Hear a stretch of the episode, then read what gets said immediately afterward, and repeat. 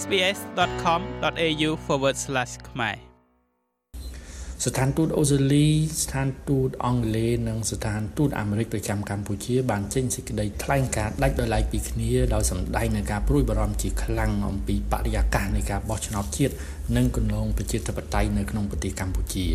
សេចក្តីប្រកាសរបស់ស្ថានទូតអូស្ត្រាលីអង់គ្លេសនិងសហរដ្ឋអាមេរិកខាងលើនេះគឺបានធ្វើឡើងដាច់ដោយឡែកពីគ្នាចេញផ្សាយកាលពីថ្ងៃច័ន្ទទី24ខែកក្កដា គឺមួយថ្ងៃក្រោយការបោះឆ្នោតសកលជ្រើសតាំងតំណាងរាស្ត្រអាណត្តិទី7នៅក្នុងប្រទេសកម្ពុជា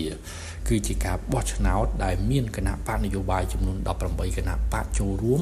តែពុំមានវត្តមានរបស់គណៈបកប្រឆាំងដ៏មានឥទ្ធិពលគឺគណៈបកភ្លើងទៀនចូលរួមឡើយ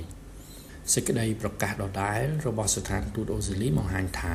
មុនការបោះឆ្នោតនៅថ្ងៃ23ខែកក្កដាគឺមានការដកសិទ្ធិចូលឈ្មោះបោះឆ្នោត គណៈបកប្រឆាំងដ៏សំខាន់មួយក៏ដូចជាការដាក់សម្ពាធលើប្រព័ន្ធផ្សព្វផ្សាយឯករាជ្យនិងសង្គមស៊ីវិលជាដើមសកម្មភាពទាំងនេះមិនអាចឲ្យប្រជាជនកម្ពុជាទទួលបានព័ត៌មានបញ្ចេញមតិរបស់ពួកគេដោយសេរីនិងមានជំរឿសពិតប្រាកដពីរបៀបដែលពួកគេត្រូវបានដឹកនាំនោះទេ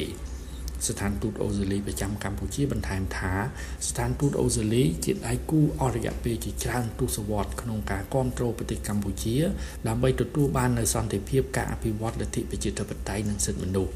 យើងបង្ហាញក្តីបារម្ភរបស់យើងក្នុងនាមជាមិត្តដ៏យូរអង្វែងហើយបន្តនៅបំណងប្រាថ្នារបស់យើងក្នុងការធ្វើការជាមួយប្រទេសកម្ពុជាឆ្ពោះទៅរកគោលដៅទាំងនេះ។ ចំណែកស្ថានទូតអង់គ្លេសប្រចាំកម្ពុជាក៏បានចេញសេចក្តីថ្លែងការណ៍ស្តីពីការបោះឆ្នោតនៅកម្ពុជាដោយលើកឡើងថាចក្រភពអង់គ្លេសគឺជាដៃគូដ៏យូរអង្វែងក្នុងភាពរុងរឿងនិងស្ថិរភាពរបស់កម្ពុជាហើយជឿជាក់ថាវឌ្ឍនភាពក្នុងផ្នែកទាំងនេះអាចត្រូវបានត្រួតត្រងយ៉ាងល្អបំផុតតាមរយៈវប្បធម៌នយោបាយប្រជាធិបតេយ្យដែលគ្រប់គ្រងដល់ការពិភាក្សាបើកចំហប្រកបទៅដោយទស្សនៈចម្រុះ សេចក្តីថ្លែងការណ៍របស់ចក្រភពអង់គ្លេសបន្តថាការបោះឆ្នោតតាមបែបប្រជាធិបតេយ្យអាស្រ័យទៅលើការប្រគល់ប្រជែងដែលគួរឲ្យទុកចិត្តដោយបើកចំហនិងយុត្តិធម៌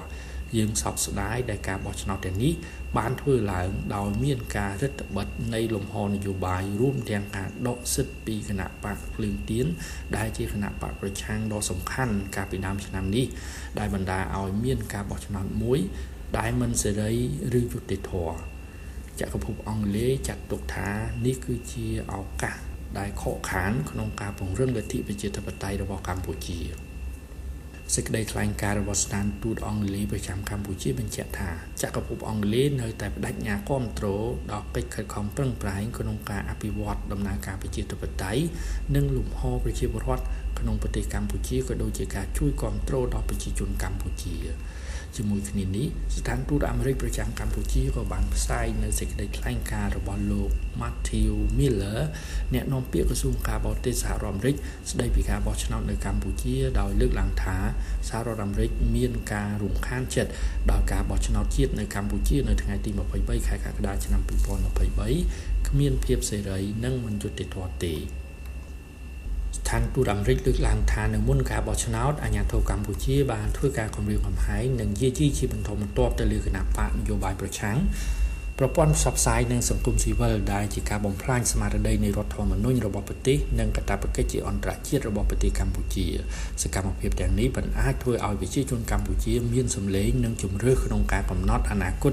នៃប្រទេសរបស់គេបានទេជាការឆ្លើយតបនឹងទង្វើទាំងនេះសហរដ្ឋអាមេរិកបានធ្វើការរដ្ឋបិទលើទឹកធការសម្រាប់បុគ្គលមួយចំនួនដែលបានបំផ្លាញលទ្ធិប្រជាធិបតេយ្យហើយនឹងធ្វើការផ្អាកលើកម្មវិធីជំនួយបរទេសមួយចំនួន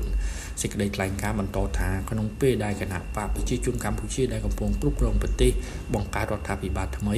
អាញាធរមានឱកាសកែលម្អកិត្តិនាមជាអន្តរជាតិរបស់ប្រទេសកម្ពុជាដូចជាស្ដារឡើងវិញនៅលទ្ធិប្រជាធិបតេយ្យពហុបកពិតប្រាកដបញ្ចប់ការកាត់ក្តីដែលមានលក្ខណៈនយោបាយកែប្រែការដាក់ទោសដោយតុលាការទៅលើអ្នករិះគន់រដ្ឋាភិបាលហើយអនុញ្ញាតឲ្យផ្នែកសារព័ត៌មានឯករាជ្យបើកដំណើរការឡើងវិញដោយគ្មានការជ្រៀតជ្រែកសហរដ្ឋអាមេរិករីករាយនឹងបន្តភាពជាដៃគូជាមួយកម្ពុជាដើម្បីគ្រប់គ្រងបំណងប្រាថ្នារបស់គេ ដែលចង់ឲ្យប្រទេសគេមានវិបុលភាពលទ្ធិប្រជាធិបតេយ្យនិងឯករាជ្យភាពច្រើនឡើង ដែលក្នុងនោះសម្លេងទាំងអស់ត្រូវបានគេស្ដាប់ចំពោះការលើកឡើងរបស់ប្រទេសលោកខាងលិចខាងលើនេះគឺត្រូវបានអ្នកនាំពាក្យគណៈបព្វជិជនកម្ពុជាលោកសុកអេសាន បានប្រកាសច្រានចោលដោយលើកឡើងថាសហរដ្ឋអាមេរិកអូស្ត្រាលីនិងអង់គ្លេសវាតម្លៃការបោះឆ្នោតនៅកម្ពុជាដោយប្រើខ្សែភ្នែករាប់ម៉ឺនគីឡូម៉ែត្រពីចម្ងាយ និងប្រើប្រាស់ស្តង់ដារ2ផ្អែកទៅលើភូមិសាស្ត្រនយោបាយដើម្បីប្រយោជន៍របស់ខ្លួនតែប៉ុណ្ណោះពូលគឺប្រទេសទាំងនេះមិនបានបញ្ជូនអ្នកសង្កេតការបោះឆ្នោតមកចូលរួមសង្កេតការដំណើរការបោះឆ្នោតនៅក្នុងប្រទេសកម្ពុជានោះទេជុំវិញដំណើរការបោះឆ្នោតនេះមានប្រទេសជាច្រើននិងស្ថាប័នអន្តរជាតិជាច្រើនបានបញ្ជូនអ្នកសង្កេតការបោះឆ្នោតអន្តរជាតិមកចូលរួមសង្កេតការបោះឆ្នោតនៅក្នុងប្រទេសកម្ពុជា ក្រុមអ្នកសង្កេតការអន្តរជាតិនិងអ្នកសង្កេតការជាតិបានវាតម្លៃដូចគ្នាថាការបោះឆ្នោតនៅកម្ពុជានាឆ្នាំ2023នេះបានធ្វើឡើងដោយត្រឹមត្រូវសេរីយុត្តិធម៌និងមានតម្លាភាពមិនមានការគំរាមកំហែងឬក៏អំពើហិង្សាកើតឡើងនោះទេ កាលពីថ្ងៃទី25ខែកក្កដាប្រធានាធិបតីចិនលោកស៊ីជីនពីងនិងនាយករដ្ឋមន្ត្រីចិនលោកលីឈៀងបានផ្ញើសារលិខិតជូនលោកនាយករដ្ឋមន្ត្រីហ៊ុនសែនដើម្បីអបអរសាទរគណៈបកប្រជាជនកម្ពុជាដែលឈ្នះការបោះឆ្នោតថ្នាក់ដឹកនាំកម្ពុជាចិនក៏បានប្រកាសបន្តគាំទ្រកម្ពុជាក្រោមការដឹកនាំរបស់លោកហ៊ុនសែនបន្តទៅទៀតសូមបញ្ជាក់ថាលទ្ធផលបឋមបង្ហាញថាគណៈបកប្រជាជនកម្ពុជា ឈ្នះឆ្នោតដោយសម្លេងច្រើនលើសលប់ពលគឺក្នុងចំណោមអាសនៈរដ្ឋសភា125អាសនៈគឺគណៈបកប្រជាជនកម្ពុជាទទួលបាន120អាសនៈនិង5អាសនៈទៀតបានទៅលើគណៈបកហ៊ុនស៊ិនប៉ិចយ៉ាងណាក៏ដោយលទ្ធផលរបស់ឆ្នោតផ្លូវការនឹងត្រូវគោលជំបប្រកាសនៅចន្លោះចុងខែសីហាឬក៏នៅដើមខែកញ្ញាខាងមុខនេះខ្ញុំមេងផល្លា SBS ខ្មែររាយការណ៍ពីរាជធានីភ្នំពេញ